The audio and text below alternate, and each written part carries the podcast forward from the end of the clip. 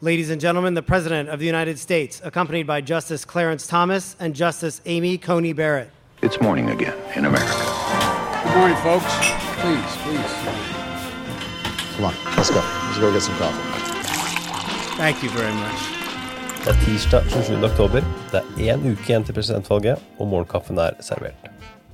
Aller først, Amy Coney Barrett er USAs nyeste høyesterettsdommer. Hun ble godkjent av Senatet med 52 stemmer i natt, og deretter sverget inn foran Det hvite hus. the duties of the on which I am about to enter. So help me God. So help me God. Høyesterett avfeide like før en sak fra Wisconsin som kan få følger på valgdagen. De konkluderte 5-3 med at stemmer som er postmerket på valgdagen, men som kommer frem opptil seks dager etter, ikke skal telles.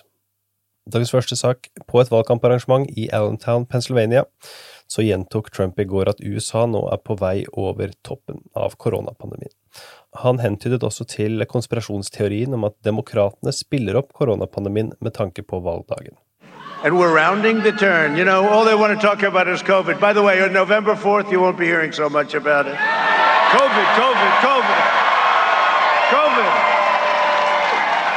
Today, let's talk about COVID all over Europe, right? Europe spike, they don't talk about that.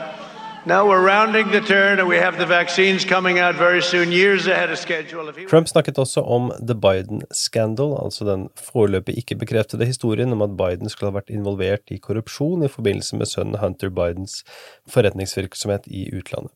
Da Trump nevnte Biden-skandalen, brøt det ut taktfaste lock him up-rop i forsamlingen, som Trump tok en lang pause og lyttet til. And by the way, that's a real scandal.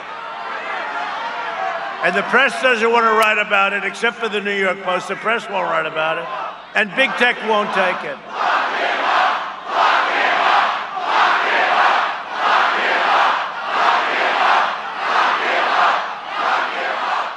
Dagens andre sak. I en ny ansamling av målinger fra vippestater er det lite lyst til lesning for Donald Trump i delstatene, som sikret ham seieren i 2016.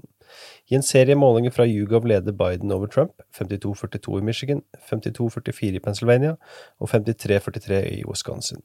Det er kommet to målinger fra Texas, der det er relativt tett. Hos Data for Progress leder Biden med 49 mot Trumps 48, og på en større måling fra New York Times og Siena så leder Trump med 47 mot Bidens 43. Det har også kommet en måling i Georgia som viser Biden med en knapp ledelse, 47 mot Trumps 46. Dagens tredje sak. Endelige stalltips for Nordøst.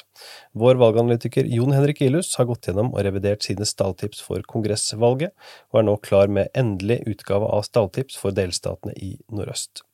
Disse kan du lese på amerikanskpolitikk.no, og følg med i dagene som kommer for våre endelige stalltips for de øvrige delstatene, og ikke minst presidentvalget.